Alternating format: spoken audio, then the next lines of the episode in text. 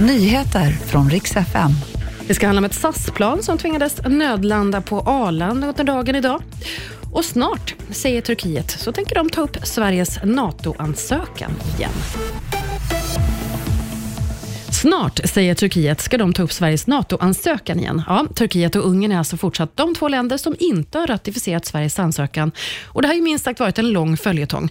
Nu verkar i alla fall Turkiet vara på G igen. På annandagen då sa utskottet ja och nu är det regeringspartiet AKP som säger att om några veckor då ska det upp i parlamentet också. Nästa möte det ska de ha den 16 januari, så får vi se hur det utvecklar sig. Ett SAS-plan på väg från Arlanda till Helsingfors fick återvända till flygplatsen. Enligt uppgifter till Aftonbladet så handlar det om röklukt i kabinen som gjorde att planet fick deklarera mayday, göra en kontrollerad nödlandning och det här var strax efter två i eftermiddags. Totalt var det 32 personer ombord. och Det är alltså röklukt och ingenting som har brunnit enligt SAS presschef. Peter Lemark har inte fått den cred han förtjänar. Det här säger bland annat artistkollegan Thomas Andersson Vi. Han är också initiativtagare till kvällens hyllningskonsert och själv har Peter Lemark inte spelat live på nästan tio år på grund av hälsoproblem. Men att han är älskad, det råder ingen tvivel om. Konserten på Cirkus, den sålde slut på 80 sekunder.